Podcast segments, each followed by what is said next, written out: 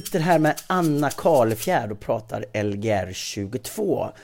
Anna, kan du berätta dina tre viktigaste tips till alla ute i skolvärlden kring eh, arbetet med Lgr 22? Ja, och det, är ju, det ska ju vara professionsstärkande det här. Det säger ju Skolverket. Det är så härligt att Skolverket säger att de här förändringarna är för att det ska bli bättre för lärarna. Och det innebär också att man måste utgå från att man kan.